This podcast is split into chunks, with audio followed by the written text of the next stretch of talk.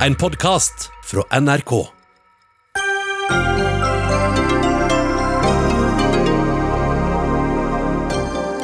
Utenlandske helsearbeidere drar med seg koronasmitte til norske sykehus. Uakseptabelt, sier Sykepleierforbundet, mens Frp etterlyser strengere karanteneregler. Et Høyre-utvalg ønsker å skrote elbilfordelene. Altfor tidlig, protesterer Miljøpartiet De Grønne. Hvorfor får kvinnelige gründere mindre støtte enn menn som vil starte bedrifter, spør bedriftsleder. Kan kvinnene takke seg selv når de ikke viser mer risikovilje? Og Frp-leder Siv Jensen forventer at Oslo Frp innordner seg. Hennes eget lokallag åpner nemlig for å ha andre på topp til stortingslista enn sin egen partileder.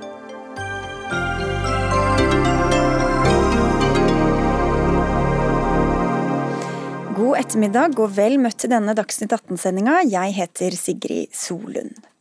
Ved to norske sykehus, i Nordfjordeid og Sandnessjøen, fikk to ferievikarer fra Sverige påvist koronasmitte før helgen. De to, en lege og en sykepleier, hadde fått unntak fra kravet om å sitte i karantene etter ankomst. Nå er andre ansatte på begge sykehusene satt i karantene, og pasienter som har vært i kontakt med legen eller sykepleieren, er både testet og satt i isolasjon. Leder i Sykepleierforbundet, Lill Sverresdatter Larsen, dere reagerer på at helsepersonell fra utlandet får fritak fra karantenereglene. Hvorfor det? Vi har eh, varsla om det her siden eh, mars. Eh, vi vet at det kommer svenske, danske, altså utenlandske vikarer til Norge. Vi har gjort oss avhengig av de vikarene, også til normal drift. Og ferietida vet vi er særlig krevende. Så vi reagerer på det både av pasientsikkerhetshensyn, at det ikke blir at de kan komme rett fra flyplass fra Stockholm og andre plasser i Sverige, og settes rett i arbeid på sykehus og sykehjem og hjemmetjeneste uten en test. Altså en, så vi mener det er helt nødvendig med en forskrift som sørger for at du må ha minimum én negativ test eh, før du kan gå i arbeid på, på blant sårbare pasienter. Det går jo som regel bra, da. Nå har vi to, to, eksempler på at det ikke gjør det. Men hvorfor stoler du ikke på at sykehusene og helseforetakene og dem det gjelder selv også generelt klarer å ta disse avgjørelsene?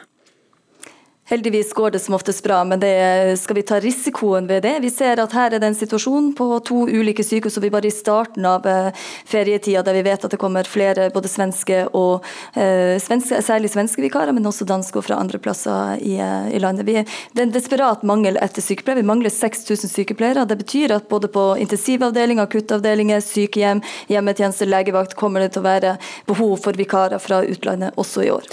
Vi kan komme tilbake til ressurssituasjonen, men hvis vi tar regelverket og praktiseringen av, den, av det først, statssekretær i Helsedepartementet Inger Klippen. Helsepersonell kan altså få unntak fra de ti dagene som andre må sitte i karantene. Da skal de egentlig testes to ganger for koronasmitte med minst 48 timers mellomrom og med negative resultater. Men i dette ene tilfellet ble i hvert fall sykepleieren satt i arbeid før testresultatet var klart. Så hvorfor skal vi ha et regelverk som åpner for det? Nå er det sånn at de som jobber i samfunnskritiske stillinger, har hatt unntak. Eller vil si, eh, koronareglementet har vært eh, sånn at de som jobber i samfunnskritiske stillinger, kan komme fra Sverige og utføre sin type arbeid. Samtidig så har FHI lagt veldig tydelige smittevernråd i forhold til hvordan dette skal håndteres. Eh, nå er det sånn at den, den legen som var i Nordfjord den hadde fulgt alle reglene som, som, eh, de skulle. Det var ikke noe som var gjort feil i forhold til det. Eh, og så er det sånn at eh, FHI har skjerpa inn rådene nå i det senere pga. smittesituasjonen i Sverige. Men, men, hva sier det om regelverket da når to, bare nå, to, to eksempler på at dette ikke går bra? Ja, nå var det eh, eh, før helgen, og det er jo eh, klart at det er, er, at vi ser alvorlig på det når det kommer smitte eh, inn på norske eh, helseforetak eller sykehus. Ja, men er, er det, Hva viser det om regelverket? Er regelverket da godt nok? Vi vurderer å skjerpe inn eh, regelverket så, i forhold til sånn som det er i dag. Så vil jeg påpeke at FHI sin smitte sine smitteråd er langt strengere enn enn selve regelverket.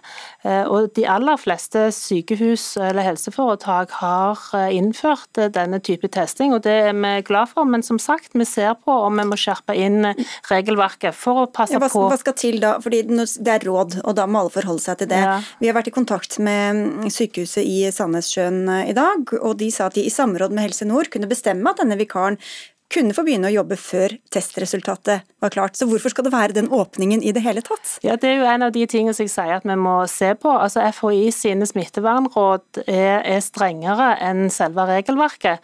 Og vi må se på om, om nå, sånn som smittesituasjonen i Sverige, og, og bruk av sommervikarer fra Sverige, om en da må skjerpe inn regelverket. Men råd holder ikke det da, Larsen, eller? Jeg vil tenke Det holder ikke med råd. og det her viser jo bare konsekvensene av det. og Betydninga er jo selvfølgelig for pasientsikkerheten, for de ansattes sikkerhet. Og så er det også sånn som her, at det havner mange ansatte i karantene. Det får betydning for at man kanskje må eh, få et ytterligere etterslep av konsultasjoner og behandling som ikke er mulig å gi. Så det er alvorlige konsekvenser. Så det holder ikke bare med råd. Vi er nødt til å sørge for at vi får det på plass. Vi har varsla om det siden mars. Ferietida kommer hvert eneste år. Ja, hva sier deres eh, medlemmer til dette regelverket? De reagerer på at det kommer svenske, særlig sånn som nå i denne situasjonen, svenske sykepleiere rett fra flyplassen. De har hjemmekarantene, det betyr at de får ikke lov til å gå på butikken for eksempel, eller andre plasser i samfunnet. Men de får også lov til å komme rett inn på sykehjem, på sykehus med sårbare pasienter. Med selvfølgelig bare risiko for å smitte pasienter, men også for å smitte dem sjøl som ansatte. Så de reagerer på det. Hva slags bemanning skal vi ha hvis man i tillegg skal kunne ha eh, vikarer som skal komme inn og ta over for vikaren, fordi at vikaren kanskje har, og alle kollegene til vikaren fordi hun eller han har smittet eh, kanskje masse mennesker rundt seg? Nå vil jeg først si at eh, norsk helsepersonell har gjort en fantastisk eh, jobb eh, i forbindelse med koronasituasjonen. Det er vel ikke det dette handler om, først og fremst? Jo, det handler om det. Det handler om at de har gjort en fantastisk jobb hele våren, og at de faktisk trenger å ta ferie. Og Vi ønsker selvfølgelig å, å møte vårt helsepersonell med, med, ferieavvikling, sånn at de kan ta ferie nå midt på sommeren når andre tar ferie. Og Da er det sånn at vi trenger å få inn annet personell. og Sverige har veldig kompetente personell, som vi òg har brukt andre år i ferieavvikling. Men Det er ingen som sier at ikke de er kompetente, men spørsmålet er hvilken risiko dette, dette ja. innebærer. Men Vi skal få med en tredjeperson her også, Åshild Brun Gundersen, helsepolitisk talsperson i Fremskrittspartiet. Dere vil ha altså forbud mot karantenefritak for utenlandsk helsepersonell. Hvordan skal da norske sykehus og sykehjem eh, bemannes? Ja, altså Hvor skal jeg begynne? Dette virker jo rett og slett ikke som Høyre sin statssekretær tar denne situasjonen på alvor. Man slipper altså innpasse mennesker fra Sverige til å jobbe i norske sykehus, ta med seg korona. Det vi alle sammen har bidratt med i en dugnad for å forhindre. Det slippes nå fullstendig åpent. Man ser konsekvensen av det. Avdelinger ved sykehus legges ned. Titalls helsepersonell blir lagt Eh, i karantene. Og Dette kan man sammenligne med en ordinær situasjon. I en ordinær situasjon så har man altså eh, krav om at for å få arbeidstillatelse i Norge, så må man avlegge en helseattest. Eh, særlig hvis man kommer fra land med høy risiko for tuberkulose. Det har vi i normalsituasjon. Ja, men det samme skal, De skal jo de testes for covid-19 eller, eller, for korona, da, som jo er det vi er redde for i dette tilfellet. Og det, og det, det skjer jo i, og det er jo ifølge de rådene vi har etter de har kommet inn i Norge, etter de har begynt å jobbe ved norske sykehus, etter de har smitta andre helsepersonell og pasienter. Ikke etter at de har begynt å jobbe, før de har begynt å jobbe skal de testes. Ja, men de begynte jo rett og slett både ved Sandnessjøen og i Nordfjord eh, å jobbe før de fikk resultatet av denne koronatesten. Og det er den koronatesten vi mener de må avlegge før de i det hele tatt kommer til Norge og begynner å jobbe ved norske sykehus.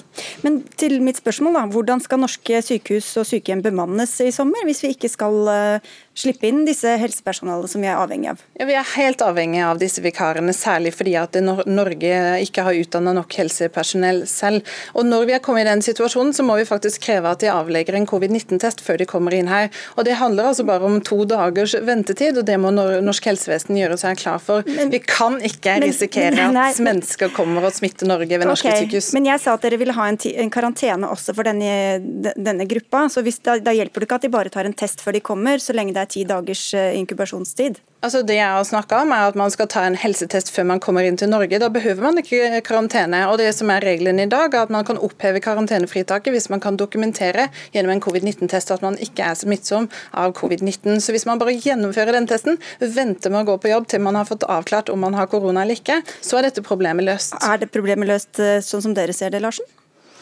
Problemet vil jo løses ved en sånn type koronatest eh, på kort sikt, nettopp for det som vi er nødt til å løse akkurat her og nå. Problemet med vikarer, at Norge som nasjon har gjort seg så totalt avhengig av utenlandske vikarer, det er ikke løst. Og jeg vil bare si sånn som at øh, Brun sier noe om at vi, utdannet, at vi trenger å utdanne flere. Vi utdanner nok sykepleiere, egentlig, og vi rekrutterer godt utdannet til sykepleieryrket, men vi klarer ikke å beholde dem. Så vi må sørge for at vi faktisk klarer å beholde livsnødvendig kompetanse som sykepleier, jordmødre, spesialsykepleiere og leger, helsefagarbeidere. Du sa Klippen at de er jo også fordi at norsk helsepersonell fortjener og trenger og også har krav på, på ferie. Eh, og så hører vi at dette ikke gjelder bare ferieavviklingen, men at det da selvfølgelig er et ekstra stort behov. Men hvorfor har vi ikke en, sørger vi ikke for å ha en bemanning som holder året rundt, og som er god nok med norske arbeidstakere? Vi i regjeringen legger til rette for både rekruttering, men det viktige som, som Sykepleierforbundet her påpeker, vi, også, vi må òg beholde eh, personellet som vi har utdannet. Og vi jobber for å få til en heltidskultur. Der er veldig mange som jobber i deltidsstillinger, og det gjør at vi vi da ikke får ressursene til å strekke til. Så vi jobber for en heltidskultur. Og vi jobber for å tilrettelegge for å beholde og videreutdanne personell. Så I fjor så åpna vi for 80 nye spesialiseringsstillinger, eh, utdanninger, eh, for sykepleiere. Så det er et, det er et problem med kvalifisert personell i Norge eh, på mange områder, men i helsetjenesten så er sykepleiermangel et problem som vi har fokus på. Og, ja. Ja, men så da, da, har dere ikke greid det da så langt, å, å skaffe en bemanning som er god nok året rundt? Vi, det er en, eh, vi har lite folk i dette landet, rett og slett. Kan, det er ikke alle som ønsker å være sykepleiere. Det er ikke alle som hvorfor, ønsker hvorfor å jobbe. Tror du det? Hvorfor tror du det er sånn? Hvorfor man få personer.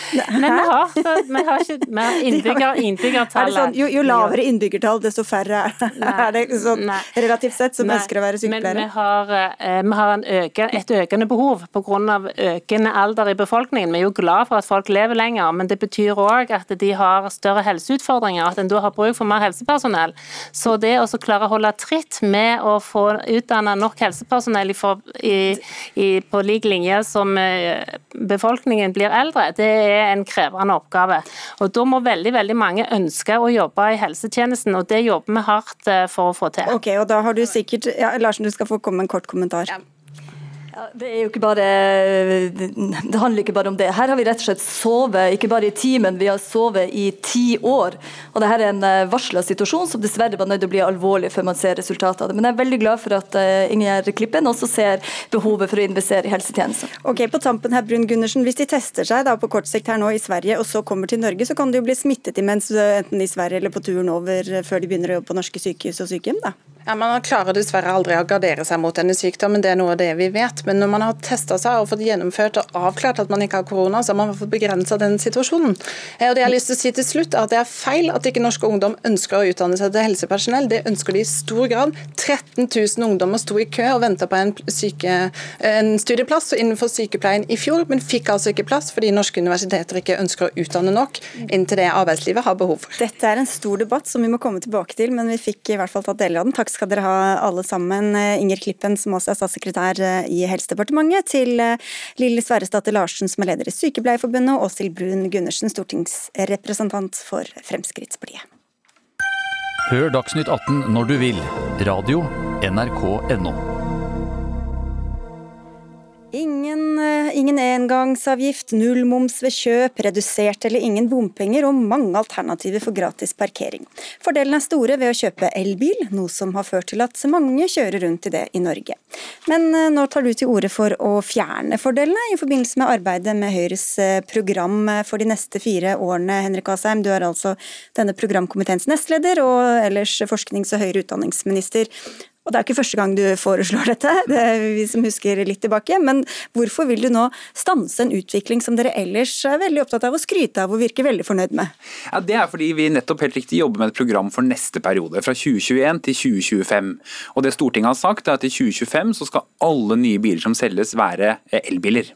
Eh, det er veldig bra, men problemet er at nå begynner det å bli så mange elbiler, og når de ikke betaler eh, avgifter, ikke betaler moms, ikke betaler bompenger, eller i hvert fall lite bompenger sammenlignet med andre, så blir tapet til alt det vi skal også bruke penger på, bygge vei, kollektivtrafikk, gjøre alle disse tingene så stort, at jeg mener at vi må nå begynne å se på hva neste trinn, som er å fase inn igjen en del av avgiftene, sånn at de også er med på spleiselaget. Og så har vi akkurat fått tall på klimagassutslippene hvor, som viser at det er en nedgang, og hvor transportsektoren eh, får en del av æren for det. Hvordan tror du den utviklingen kommer til å bli da, hvis man bremser opp eh, på elbilsatsinga? Ja, dette er jo dilemmaet man står i. fordi På den ene siden så har vi satt et veldig hårete mål som vi skal nå. På den andre siden så ser vi at nå tapet er nesten på 10 milliarder kroner i året fordi vi har fått så mange elbiler.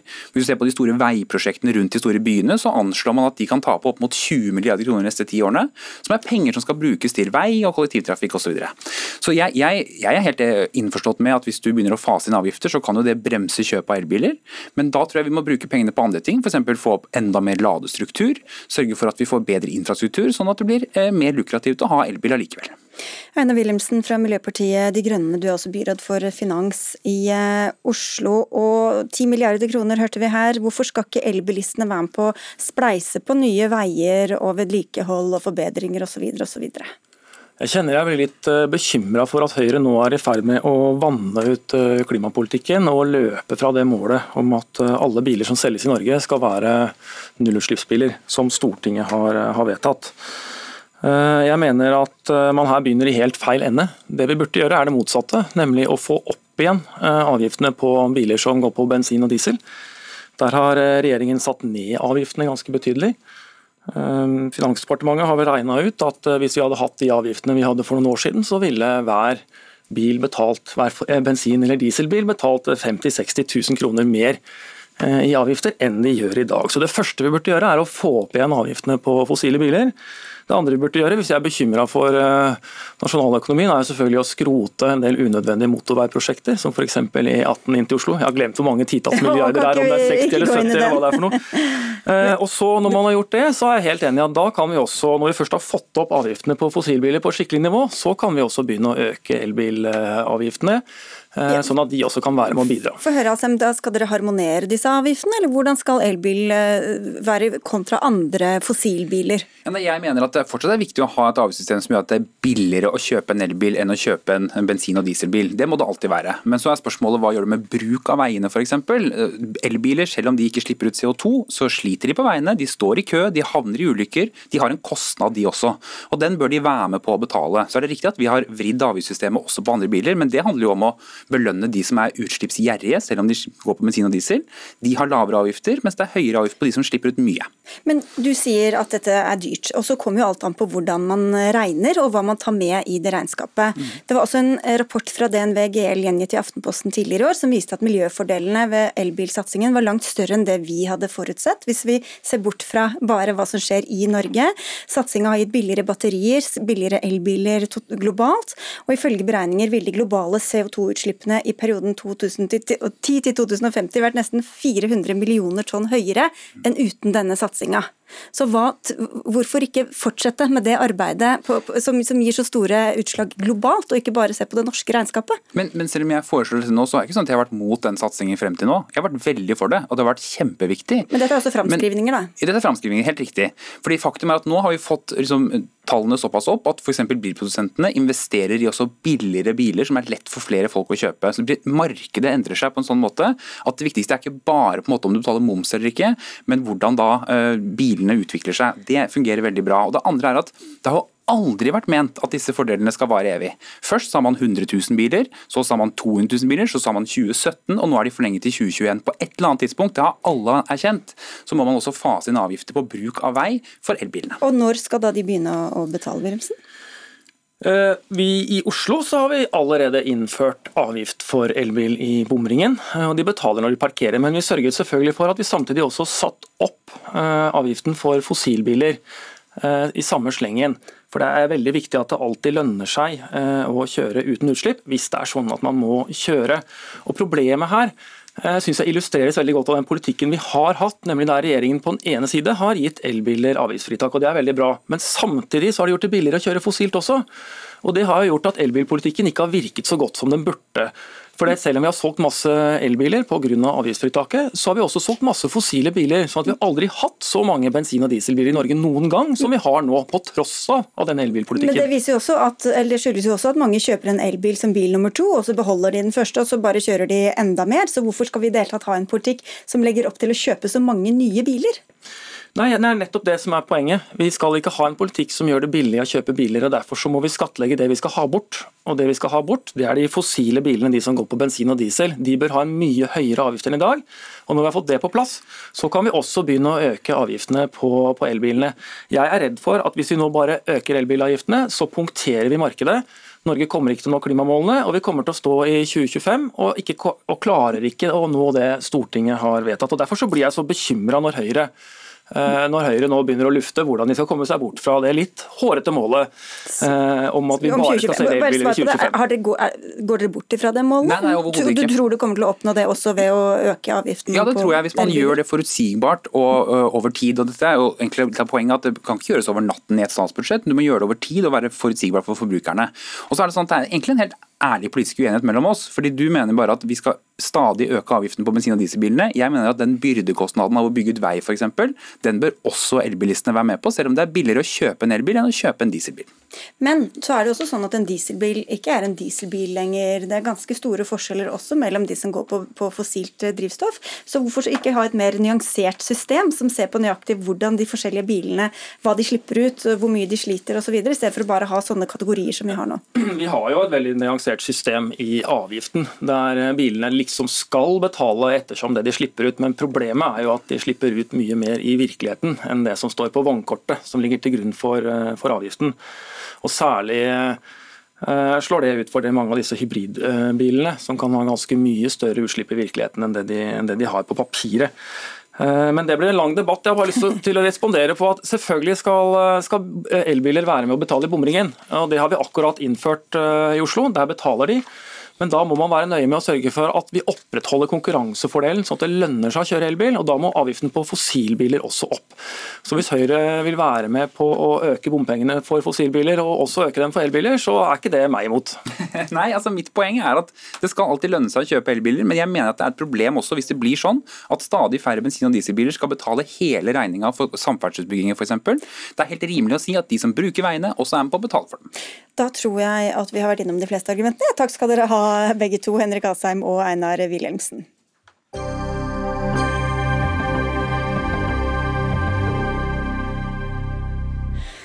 Ikke akseptabelt, det er beskjeden fra Fremskrittspartiets leder Siv Jensen etter at Oslo Fremskrittsparti sa at det ikke var sikkert de ville ha sin egen leder som listetopp før neste stortingsvalg. Lederen for Oslo Frp, Geir Uglestad Jacobsen, vil dra partiet i det han kaller en mer nasjonalliberal retning, og gjøre Frp til et såkalt patriotisk fyrtårn. Vi har forsøkt å få både Siv Jensen og Uglestad Jacobsen i studio, men begge har takket nei. Martine Aurdal, politisk kommentator i Dagbladet, hva er egentlig kjernen i konflikten her? Eh, ja, eh, denne fløyen i Oslo Frp ønsker jo å gjøre Frp til et parti som ligner mer på de høyrepopulistiske partiene i Europa, som eh, både Siv Jensen og, og, veldig mange andre fra Frp i alle år har sagt at de ikke ønsker å sammenlignes med. Altså, I 1997 så gråt Eli Hagen da TV 2-nyhetene sammenlignet Carl I. Hagen med Jean-Marie Le Pen, og Siv Jensen har reagert på lignende måter i årene senere, ved sammenligninger med Nasjonal Front eller med Gert Wilders i Nederland. Men eh, men den nye lederen av eh, Oslo Frp, altså Geir Ugland Jacobsen og, Christian Tybring-Gjedde og en del andre i Oslo Frp ønsker å gå i den retningen. De bruker jo nå slagordet eh, 'Norge først', som vi også hører fra alliansen, og som også ligner på Trumps slagord. ikke sant? Og denne dreiningen kom jo da, som vi skjønner, da han ble ny eh, leder. Men det nye nå er jo dette med at de sa også at kanskje ikke Siv Jensen skal stå på toppen av lista før neste stortingsvalg. Magnus Takvam, politisk kommentator i NRK. Men hvorfor er det så viktig hvem som står på toppen av den lista? Eh, det kan du si. Det utspillet kom jo eh, fra eh, Ugland Jacobsen i mediene nå, der, der han antydet at ja, det er ikke helt sikkert at, som du sier, Siv Jensen er på toppen av, av valglisten. Og det utspillet har jo blitt skutt ned da, for øvrig av, av både Siv Jensen selv og av i dag også nestlederne i Oslo Frp. Så det opplever jeg nok var et litt ugjennomtenkt soloutspill, eh, for å si det slik. Men det reflekterer noe eh, selvfølgelig viktig politisk. Jeg tror han og flere andre i, i, i den fløyen, så å si, gjerne vil ha også en lederdebatt i, i Fremskrittspartiet. Men det burde, hvis man ser det fra deres ståsted, vært litt bedre planlagt. Hvis de har en strategi om å velge en ny leder, så bør de eh, jobbe med for å ha en, en realistisk kandidat og en som kanskje kan vinne osv. Ellers så faller det jo helt til jorden. Partileder Siv Jensen sier at det dreier seg om en liten gruppering i Oslo. Hvor mange er det de egentlig representerer, også utover sin egen lille eh, Eller hvor liten der skal ikke jeg si, men sin egen fløy, da. Ja, nå gjør jo Oslo Frp det ikke særlig godt, eh, verken i valg eller på meningsmålinger. Og det er en, en fløy i Frp som eh, ikke vil kunne få flertall på et landsmøte. Samtidig så er det fremdeles en en fløy som har lange tradisjoner innad i Frp, som er viktig som en del av den litt underlige konstellasjonen som Frp er. Altså Mange partier eh, så snakker vi om to ulike fløyer. I Frp er det minst tre, kanskje fire. Eh, og hvor dette er en av de de viktige fløyene som har vært, eh, vært, der hele tiden. Så Noe av grunnen til Siv Jensens suksess også, og grunnen til at eh, Frp har fått så lite regjeringsslitasje som det de tross alt fikk, er jo fordi at de har samlet alle disse ulike fløyene og gitt dem også makt i regjeringsapparatet. Så jeg tror ikke, eller Siv Jensen har åpenbart ikke hittil sett seg eh, tjent med å, å, kvitte seg med dem, i hvert fall. Men nå sier hun i hvert fall at de må innordne seg, Magnus Takvam. Hva ligger i det? Ja, Det vil jo vise seg. Altså, det jeg for så vidt eh, reflekterer litt rundt når det gjelder akkurat denne konflikten, er at den nok en gang illustrerer det du kan kalle FrPs storbyproblem. Eh, det har jo vært eh, observert og kjent i, i, mange år at både lokallaget i Bergen og Oslo, både organisatorisk og når det gjelder velgeroppslutning, har gjort det, en dårlig jobb. Og det har da til tider vært eh, miljøer i Frp som gjerne ville ta oppgjør med den kulturen som har utviklet seg i disse to storbylokallagene. Men det har på en måte ikke blitt eh, noe av. Det som skjedde i Bergen, var jo faktisk at i desember så ble lokallaget lagt ned av Frp sentralt og overtatt av Vestland eh, Frp, eh, administrert på en måte av dem fordi det var så mye internt bråk. Så når Siv Jensen nå bruker så sterke ord som uakseptabelt, og de må innordne seg, så, så lurer jeg på om de vil gjøre noe tilsvarende i Oslo. Det, det vet jeg ikke, men det, det, det, krever at du følger opp når du bruker så, så sterkt krutt. Og Da kan hun jo også møte på Carl I. Hagen igjen, som har savnet seg selv på ny og åpne for å komme inn på Stortinget. Hvordan tolker du det inn i alt dette, Martine Erdal? Nei, Hans kone Eli sier jo at uh, nå, må, nå, er han 75 år, nå må han snart skjønne at tiden er over. uh, men, uh, men Carl. Hagen har jo gjentatte ganger, som du sier, kommet tilbake og savnet seg selv. Han sa jo ja til å bli leder av nominasjonskomiteen i Oslo under forutsetning av at han ikke skulle stille til valg, før han nå altså igjen lurer på å gjøre det, og lanserte seg selv nylig da til tredjeplassen på lista. Han har jo også Uh, uttalt seg for så vidt ganske overraskende positivt til Ugland Jacobsens uh, utspill. Og det er jo et, et, faresignal fordi at han som partibygger alltid vil ha en resonans ute i partiorganisasjonen. Og til slutt her, Magnus Takvam, du viser til at både denne Oslo Frp-gruppa og Sylvi Listhaug flørter med Senterpartiet. Hva ligger bak en sånn strategi, eller hva vi skal si, utspill?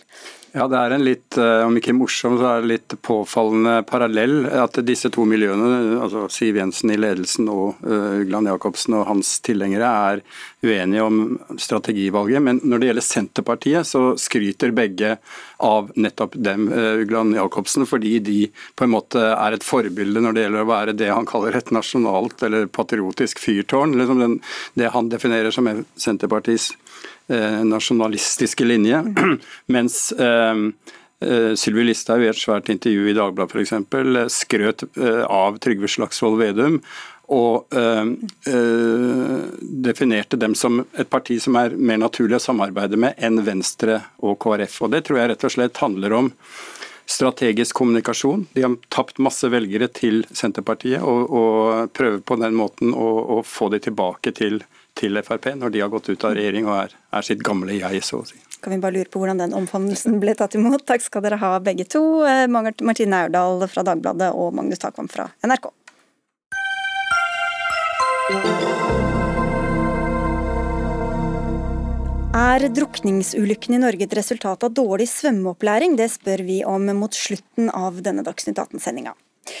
Hvis du ser for deg en gründer, eh, hvordan ser vedkommende ut? For mange dukker det nok opp et eh, indre bilde av en mann i dress, og det er flest menn blant norske gründere, og det er flest menn som får støtte til å etablere egne selskap. Dette er skikkelig flaut, skrev du og en kollega i Dagens Næringsliv forleden. Synnøve Hokolt Sagafoss, du er daglig leder i konsulentselskapet Myldring AS.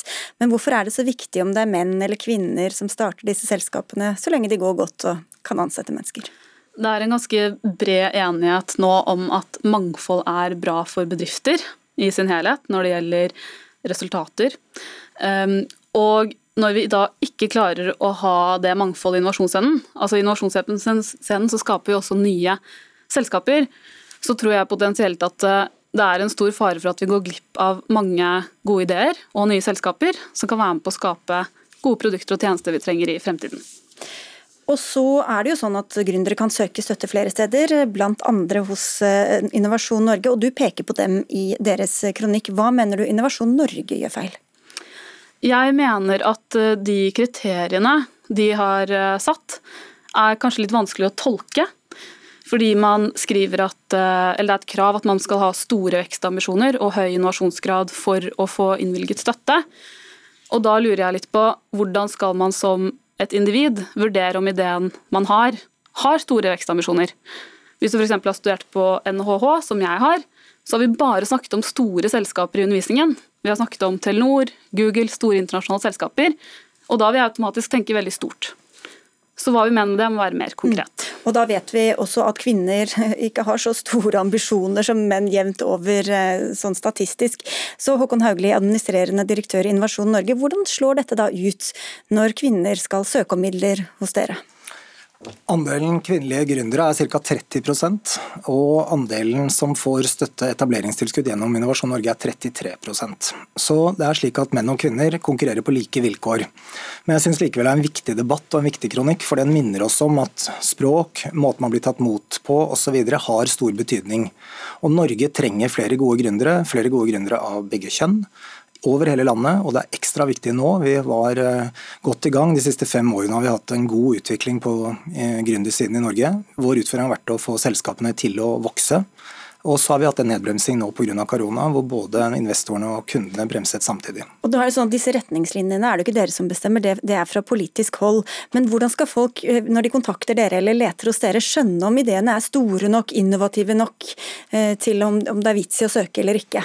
Det er sikkert krevende, og vi har åpenbart eh, potensial til å bli bedre på det. Så er det jo sånn at Statsstøtte til næringsvirksomhet er i utgangspunktet forbudt. og Derfor ser vi etter det som er nytt, det kan støttes. og Dette kalles innovasjonshøyde.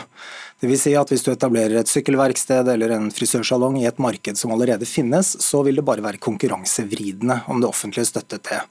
Dersom du kommer opp med en ny måte å gjøre ting på, det vi kaller innovasjon, da kan det støttes med offentlige midler. Og Derfor så må vi, når vi eh, omtaler våre ordninger, påpeke viktigheten av at det er noe nytt. Og Det er selvsagt mange måter å gjøre det på, og der tenker jeg der er det grunn til å ettergå hvordan vi kommuniserer rundt det. Marie Louise Sunde, du er gründer og daglig leder i Equality Check, og du har jobba mye med likestilling og sett mye på tallene og forskningen. Hva viser den egentlig om hvor hvor mye risiko f.eks. kvinner er villige til å ta eh, sammenligna med menn? Eh, man faller jo ofte tilbake på det med risiko, det tror jeg av og til er litt feil spor. Det viser seg at kvinner er like flinke til å ta kalkulert risiko eller like villige til å ta det som menn. Jeg tror risiko veldig mye er en treningssak, en muskel som man må venne seg til. Og, det å kunne ta risiko det handler også om eksponering. Og Det tror jeg er en av grunnene til at vi ser at det er færre kvinnelige gründere, og som jeg også gjerne ville eh, utfordret Innovasjon Norge litt på. For det er to problemer som jeg tror alle gründere har når man skal starte et vekstselskap. Eh, det ene er tilgang på kapital. Vekstselskaper er ekstremt kapitalkrevende. Og det andre er tilgang på nettverk. fordi det å gå inn som gründer, uansett hvilken bakgrunn du har, det krever at du gjør en hel masse ting du ikke kan. og Da hjelper det veldig mye hvis du har folk som kan bistå med alt fra finans til juss til skaleringsvekst osv. Så, videre.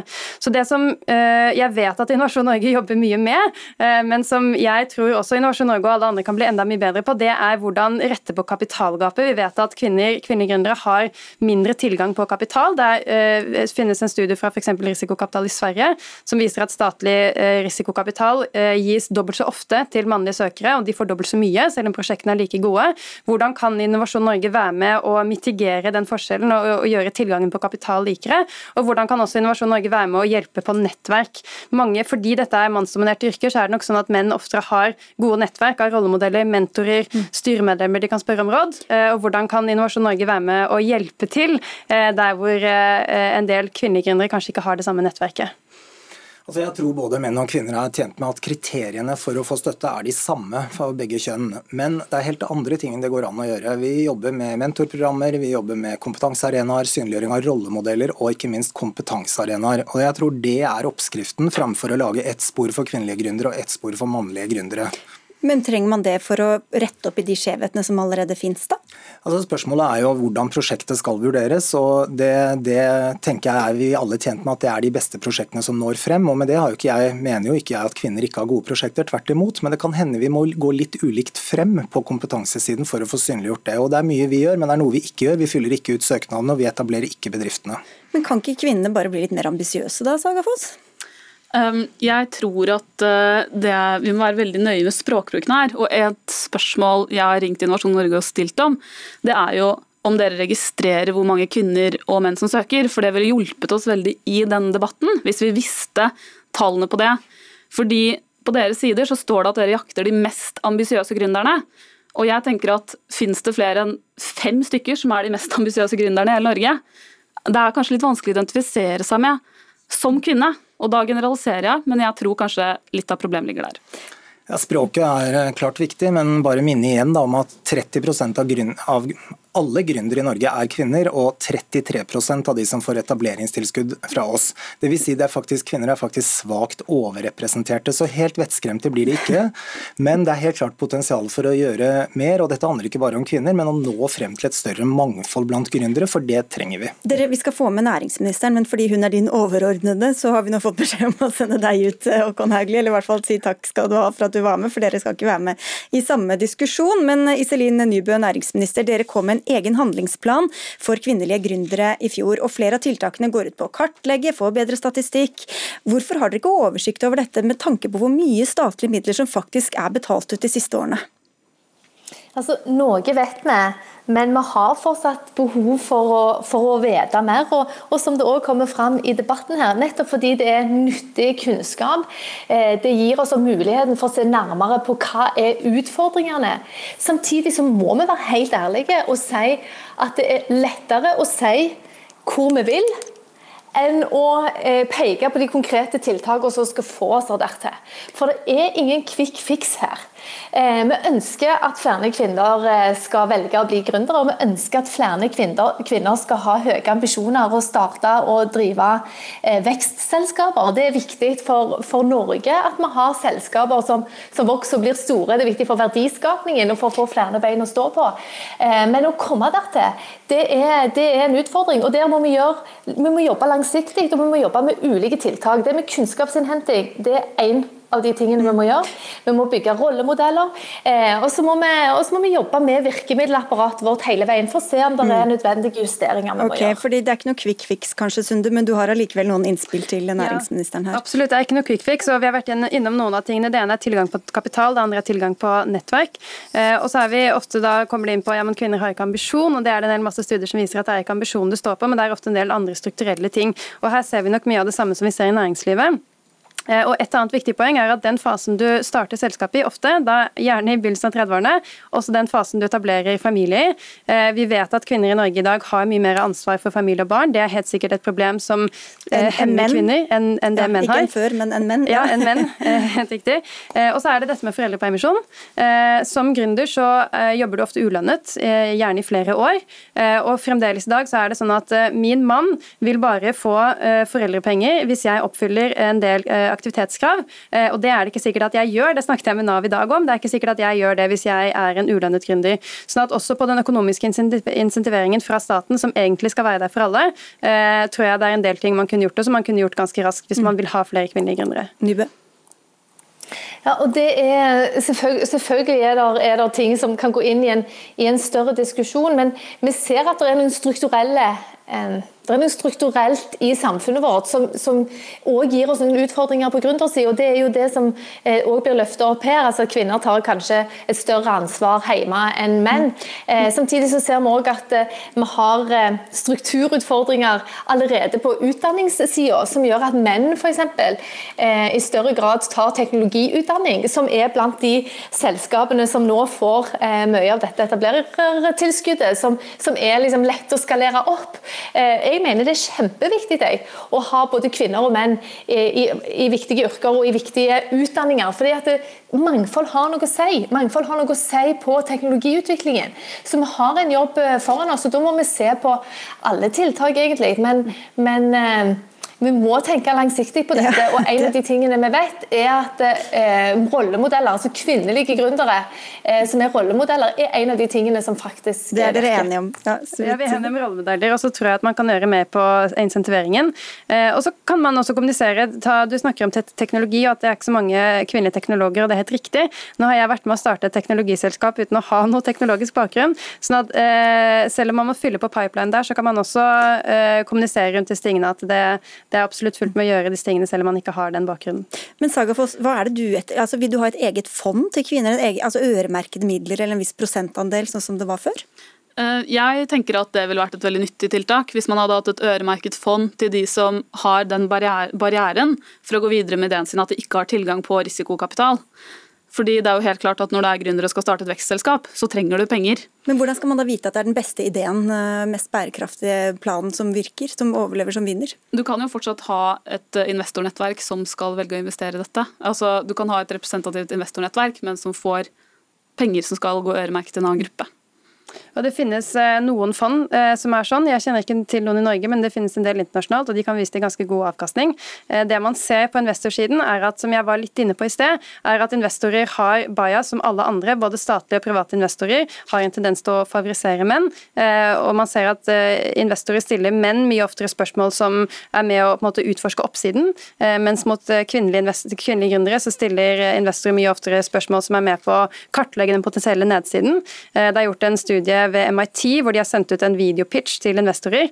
eh, og da er De som har fått en vanlig videopitch, så er det 70% av investorene som syns det er et kjempebra prosjekt og vil investere. Av de som har fått en kvinnelig bakgrunnsstemme, så er det 34% Sånn at Den bakgrunnen, den biasen, den har vi alle. Eh, den har også investorene, både de private, private og de statlige. Og Der tror jeg eh, den statlige delen av venturekapital kan være med å, å motvirke det, uten at det betyr at man gir kvinner en fordel, eller at man tar inn dårligere kvinnelige prosjekter, men at man er med å motvirke den biasen som er.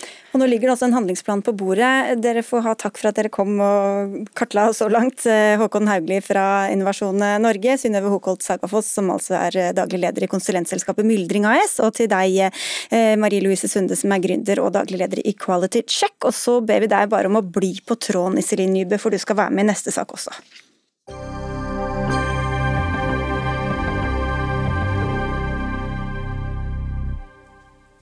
Fordi det har vakt oppsikt at forarbeidet til en helt ny lov nå legges ut på anbud. Dermed privatiseres et arbeid som ellers eh, går gjennom departementet og offentlig nedsatte utvalg. Loven det er snakk om skal gjøre det enklere og billigere å drive over 100 000 foreninger og lag i Norge, skriver Aftenposten i dag. Cecilie Myrseth, du sitter i næringskomiteen på Stortinget for Arbeiderpartiet, og du sier at det er oppsiktsvekkende at dette lovarbeidet privatiseres, men hva er egentlig problemet?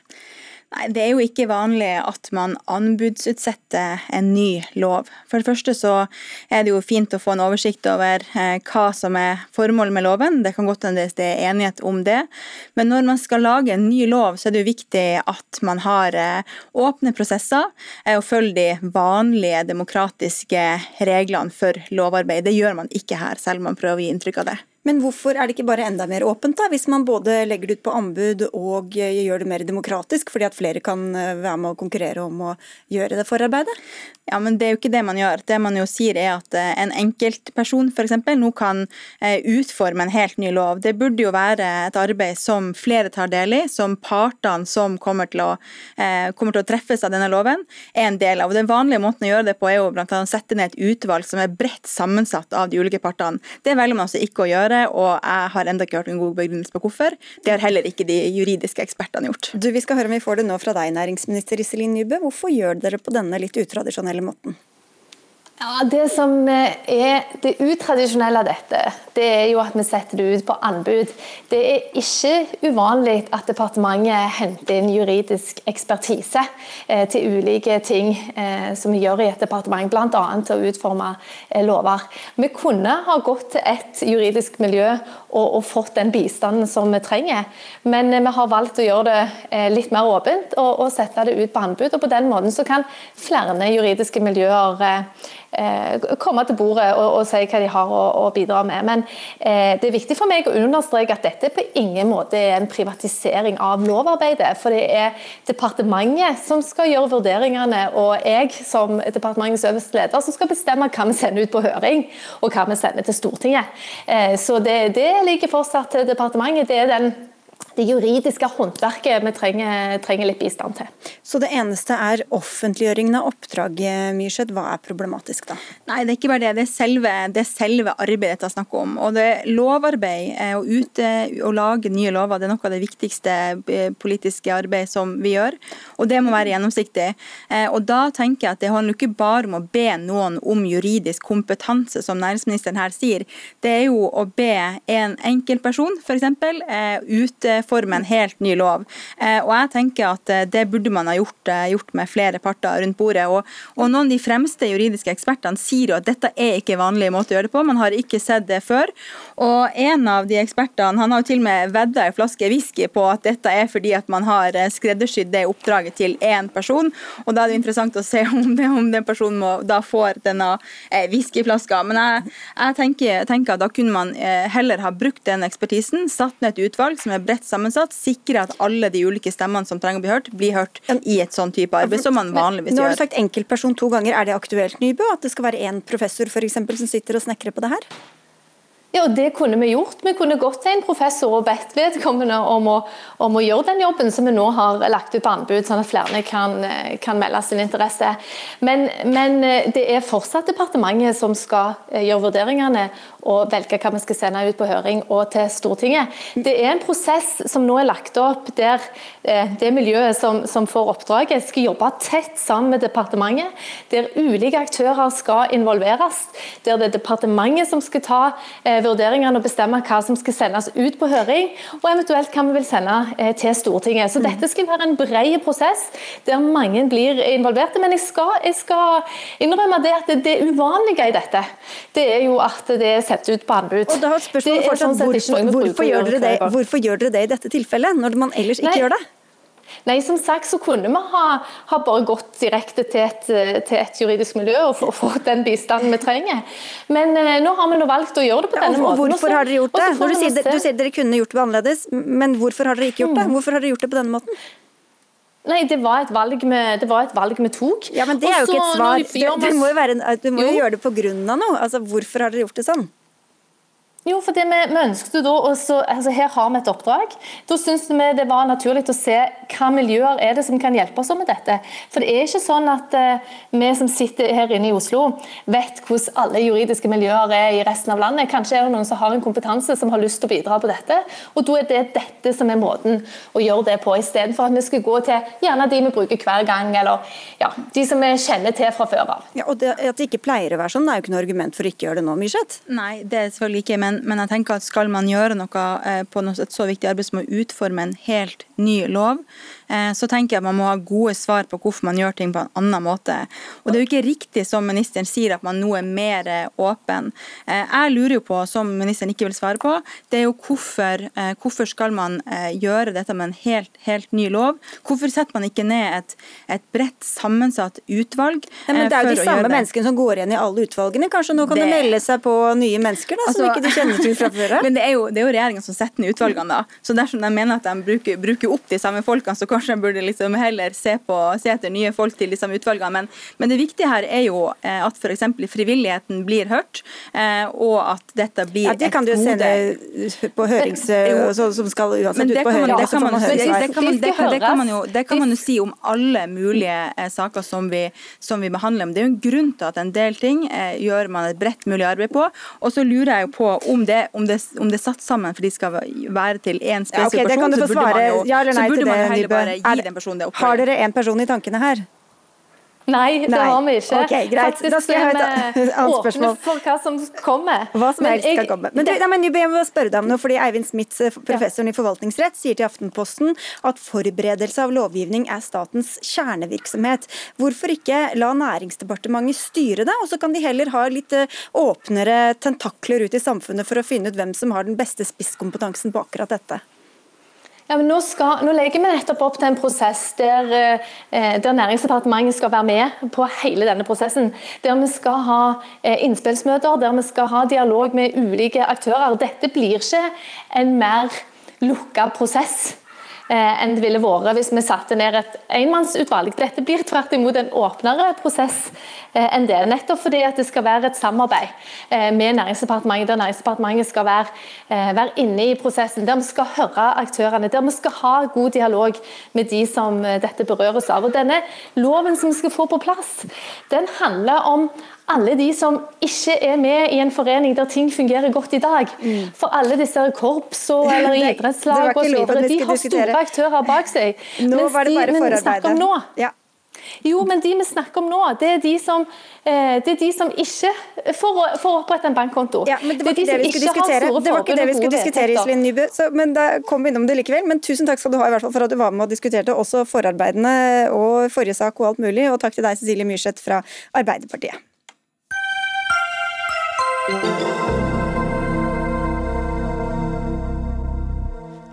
I fjor mistet 86 mennesker livet i drukningsulykker i Norge. Og så langt i år har 28 personer omkommet som følge av drukning, ifølge tall fra Redningsselskapet. Torstein Tvedt Solberg, du sitter på Stortinget for Arbeiderpartiet og sier til VG at regjeringa ikke gjør nok for å sikre at barn lærer seg å svømme. Men hva er egentlig regjeringas ansvar her, mener du?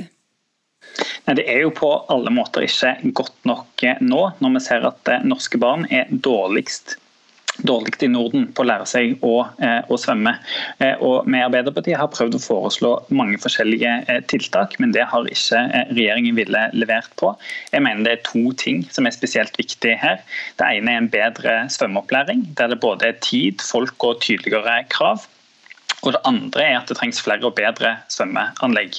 Og da tenker jeg Det er litt rart da, når vi ser disse statistikkene at eh, norske barn ikke er gode nok. At regjeringen er fornøyd med den innsatsen de eh, nå legger ned, der eh, resultatene ikke er gode nok, rett og slett. Vi kan høre hvor fornøyd de er. Grunde Almeland, du er leder av Oslo Venstre og du er statssekretær i Kunnskapsdepartementet. Er svømmeopplæringen god nok i Norge? Nei, Vi i regjeringen også anerkjenner jo at svømmeopplæringen ikke har vært god nok. Det er jo derfor vi fra høsten innfører nye kompetansemål nettopp i svømmeopplæringen. Så det er helt ferske nye læreplaner på dette området, der man har ganske detaljert kompetansemål både for etter andre trinn, fjerde trinn, sjuende trinn og tiende trinn. Så her forsterker vi helt klart målene. Og så er den eh, bekymringen jeg har, er om man eh, i hvor stor grad man faktisk klarer å nå målene. Det er ikke nødvendigvis målene som er i seg selv. Og der skal jo vi nettopp sette inn innsats for å sørge for at kommunene er rustet til å, å utføre det oppdraget som ja, hva, de har der. Og Hva ligger den innsatsen i da? Hvor mange nye svømmebasseng skal fylles, og hvor mange svømmehaller skal bygges? Ja, altså Det er jo stor forskjell mellom de ulike kommunene hvilken tilgang man har til, til svømmeflater. Eh, men det viktigste her er jo kompetansen til de som også gir opplæringen. For det, er, det vi ser er jo at det er flere ulike måter å nettopp gjennomføre opplæringen på. Og Vi har eksempler på folk som også gjør det utendørs. men vi har ikke konkrete tall som sier at det er nødvendigvis svømmeflatene det er mangel på. Det er jo det at man faktisk har den undervisningen i Men Det sier seg jo selv at man trenger litt vann for å lære seg å svømme? Selvsagt, men poenget er ikke nødvendigvis at det mangler basseng. Poenget eh, som det vi har av kunnskap fort viser, er at det er selve opplæringen det skorter på. og Det er derfor vi styrker læreplanen nå og gir klarere mål. Ja, Så nå kommer det læreplaner, så da er vel problemet løst da, Solberg? Nei, På ingen som helst eh, måte. og jeg synes Det er, er, veldig rart at regjeringen sine eneste eh, forslag her, de har innført en ny test, de har oppdatert eh, målene. og Det er jo det vi allerede nå vet at ikke fungerer. Det er rett og slett ikke godt nok, og det gir ikke de nødvendige resultatene. Men, og På dette området så synes jeg egentlig vi må, vi må, lære av det arbeidet som er gjort på trafikksikkerhet. Der så en altfor høye dødsulykketall gjennom mange år. Gjennom langsiktig godt arbeid der en prioriterte midler til det, ga det politisk oppmerksomhet, så fikk en antall ulykker ned. Det er det vi nå gjør på svømmeundervisning. Det må prioriteres midler og må prioriteres ressurser. Det er for få fagfolk som underviser i, i svømmeopplæring. Det er det jeg ønsker meg at vi nå kan eh, få til når en ser så høye tall. Og Det er synd at regjeringen ikke vil være med på det. Nei, altså Regjeringen har jo lagt på bordet hvert eneste år store satsinger bl.a. på tilskudd til kommunene som har ansvar for svømme, svømmeopplæringen. F.eks. i barnehagen, for å sørge for at folk, eh, barn har bedre grunnlag når de kommer inn i skolen, for å kunne faktisk lære seg å svømme. Og de, eh, I år, i 2020, så ble det lagt inn 70 millioner nettopp til denne tilskuddsordningen. I tillegg så har vi lagt... Hvor mye er det brukt, da? I 2019 så var det kun 3% av den, de midlene som var ubrukt. Så der har man gått fra tidligere år, der man har sett at ikke midlene har klart å bli brukt opp, til faktisk i 2019 der nesten alt er brukt opp. Og Det er jo nettopp fordi regjeringen har hatt flere år konkret innsats på dette, og det har vært et prioritert område. Og kommunene også har sett at dette er faktisk midler som følger fra år til år, og derfor også tør å legge, ta, ta disse ordningene i bruk. Hva, hva er den konkrete politiske virkemidlet fra dere da i Arbeiderpartiet? Arbeiderpartiet? Nei, Jeg, jeg synes jo det er rart at regjeringen ikke ser at den innsatsen de nå legger ned, ikke eh, fungerer. Og Arbeiderpartiet har foreslått Hvordan vet du at den ikke fungerer, da? Nei, vi ser jo det. Eh, ulykkestallene går dessverre ikke ned. De siste statistikkene vi får viser at det fortsatt er norske barn blant de dårligste, eller de dårligste i Norden på å lære seg å, eh, å svømme. Og Da mener jeg litt sånn eh, med den, den, parallellen at vi må lære av arbeidet med trafikksikkerhet og jobbe grundig og langsiktig med dette. Og Når en nå ser at de tiltakene som en har i dag ikke fungerer, så mener jeg det er på tide med nye tiltak. Ja, hva, mye kraftigere innsats det mot det. Det er vi har foreslått en nasjonal handlingsplan med masse gode forslag, men det er spesielt dette med nye, svømmehall, nye svømmehaller, nye bygg, men òg mer ressurser, sånn at en får tid og folk til å gjøre en skikkelig svømmeopplæring. Og så må en ha krav om at alle som har forutsetning for å lære å svømme, får den svømmeopplæringen de, eh, de fortjener, sånn at en ikke slutter av svømmeopplæringen før, eh, før alle har lært å svømme. Men Én ting er denne undersøkelsen med at norske barn er de dårligste i Norden til å svømme, men en annen ting er jo disse ulykkestallene. Det er jo ikke barn som drukner eh, stort sett. Det er altså sånn at 26 av de 28 som har druknet i år er menn, alle har vært over 20 år. Hvordan vet du at det kan spores tilbake til en dårlig svømmeundervisning eller dårlige svømmekunnskaper? Nei, det er, jeg tror ikke vi skal sette noe sånn likhetstegn under det, men det er eh, i skolen en kan gjøre den store innsatsen for å lære eh, nordmenn å eh, svømme. Det er der vi har verktøyene, det er der vi har tiden, og det er der det står i læreplanmålene. Og Når en ser at de målene vi har satt ikke fungerer, ikke gjør at nok lærer å svømme, så tror jeg det er der vi må starte. Ja, men... Selvfølgelig er det flere ting en òg må gjøre, men jeg tror det viktigste arbeidet her må gjøres i, i skolen. Men da kan, da kan du ikke bruke da kan du ikke bruke drukningsulykker som et bevis på at regjeringas svømmepolitikk ikke virker? Du har jo både ulykkesstatistikken som du sier, og eh, eh, undersøkelser som viser at svømmedyktigheten er, er, for dårlig.